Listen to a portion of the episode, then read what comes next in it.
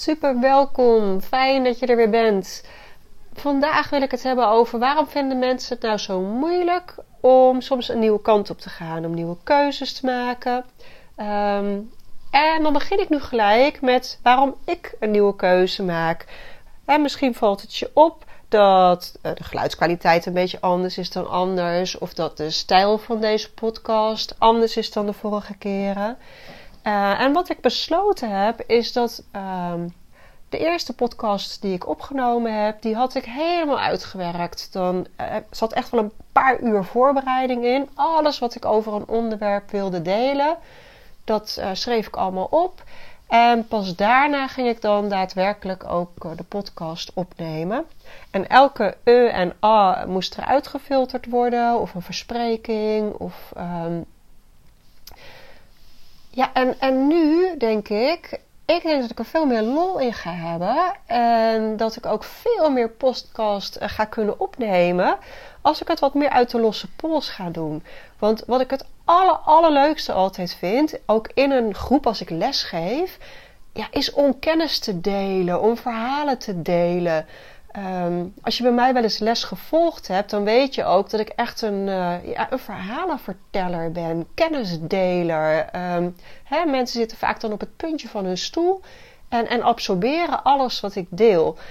En toen dacht ik, ja, waarom ga ik dat nou niet ook gewoon in de podcast op die manier doen? Dat ik veel meer vanuit ontspanning en flow mijn kennis ga delen, mijn verhaal ga vertellen. Um, ja, ik denk dat dat uh, de kwaliteit alleen maar uh, ten goede komt uiteindelijk. In de zin van dat er ook uh, veel meer kennis gedeeld wordt. Dat er ook veel vaker een nieuwe podcast beschikbaar komt.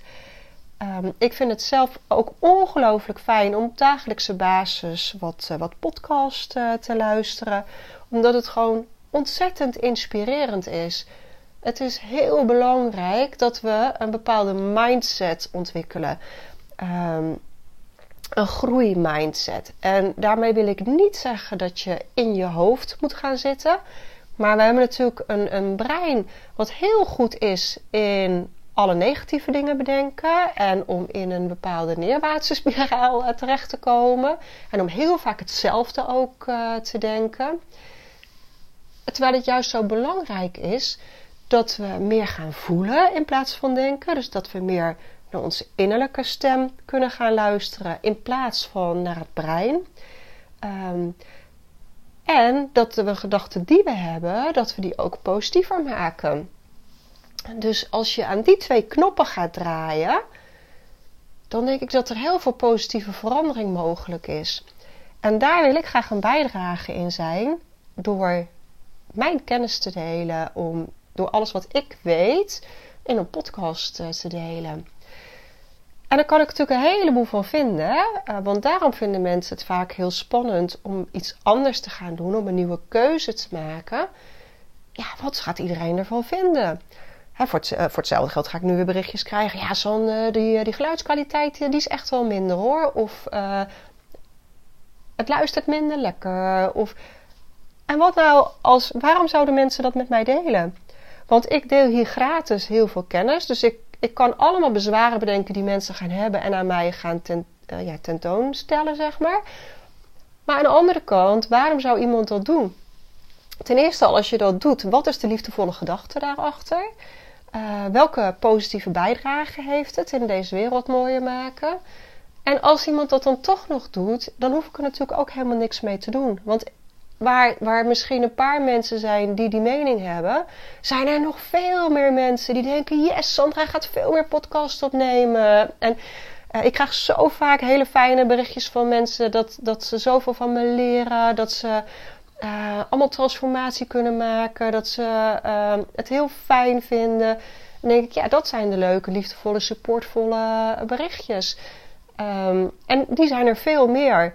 Maar ons brein heeft nou eenmaal de neiging om naar die, die paar zure berichtjes toe te gaan. In plaats van naar die honderden uh, positieve berichtjes. Ik vergelijk het altijd hè, met als je kind thuis komt met een rapport waar allemaal zevens en achten op staan. Maar er staat één vijf op, of misschien zelfs wel een vier. Uh, waar gaat gelijk je ogen naartoe en waar vindt ons brein gelijk wat van? Ja, van die onvoldoende. En pas in tweede instantie ga je al zien, ga je het neutraliseren. Hè? Zeg je, ja, maar er zijn zoveel goede cijfers op. En ehm, als je dit al getraind hebt, dan, dan leer je al dat je die onvoldoende niet moet benoemen. Maar hij, hij is in je systeem, of je dat nou wil of niet.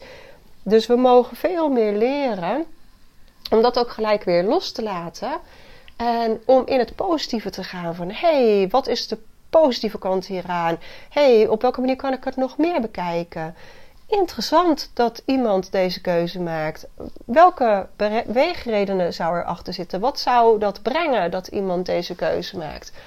Op het moment dat je in de vraag blijft, hou je de energie open.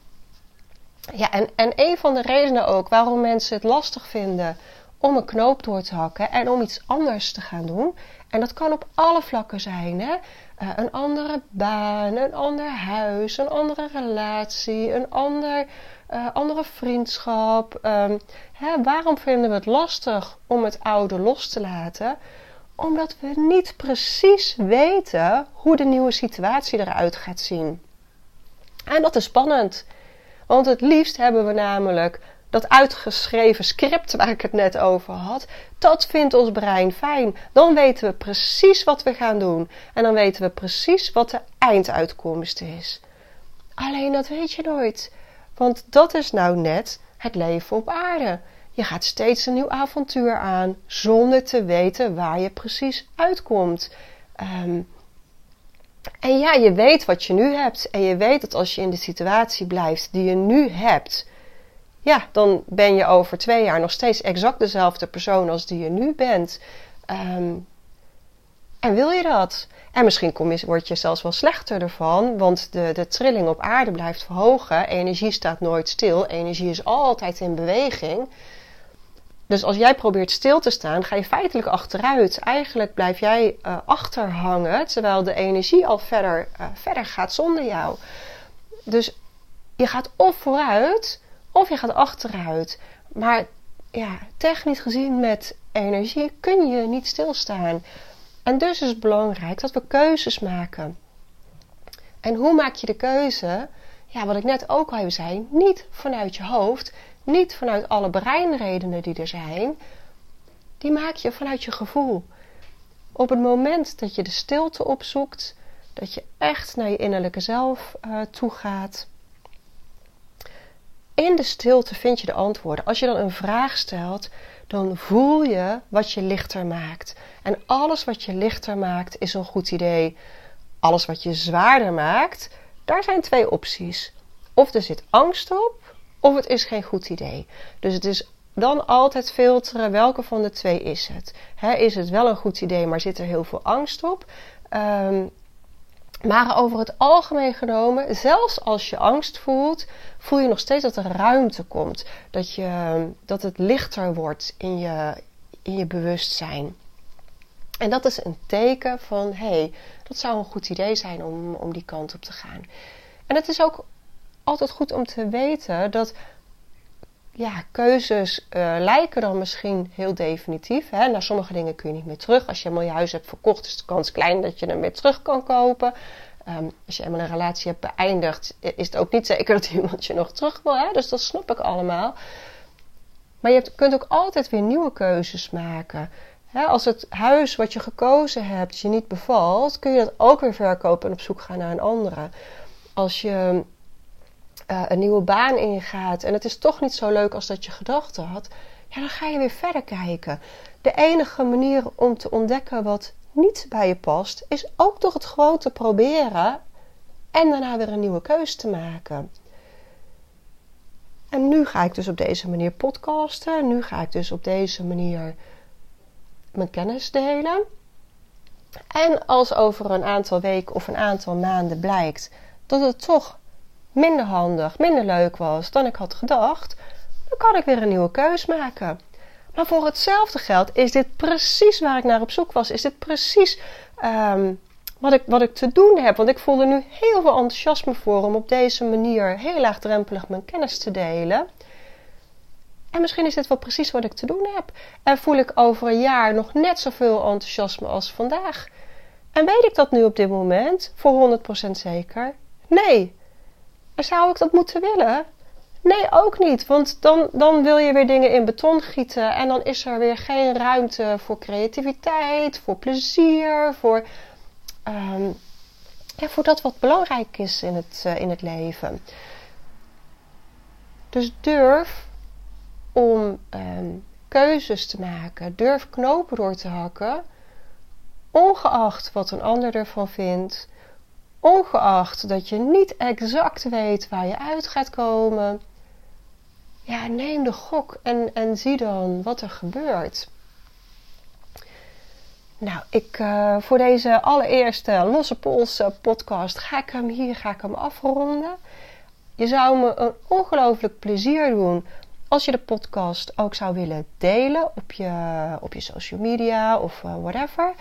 Um, want samen kunnen we de wereld mooier maken. Hè? Hoe meer wij met elkaar licht en liefde verspreiden, ja, hoe mooier we de wereld kunnen maken.